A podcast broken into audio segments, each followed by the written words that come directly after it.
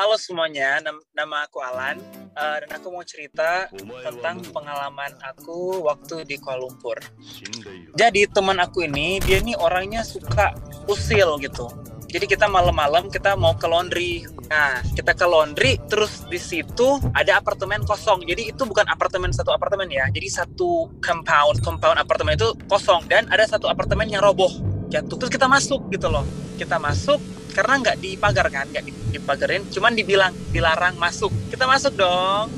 Bodoh-bodoh ya kan jam 2 kita masuk. Apartemennya tuh lingkungannya lumayan besar. Jadi kita kayak lihat-lihat.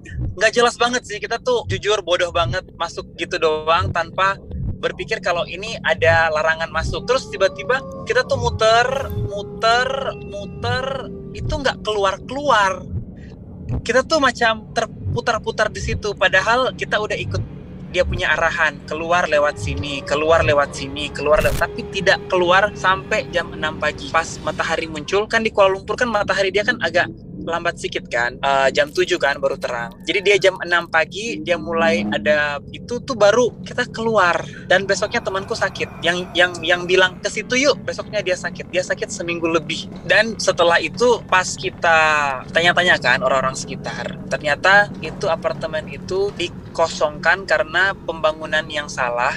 Jadi dia rubuh. Dan satu bangunan itu meninggal di tempat. Dan banyak korban jiwa itu juga salah satu ternyata itu juga salah satu tempat terangker di Malaysia.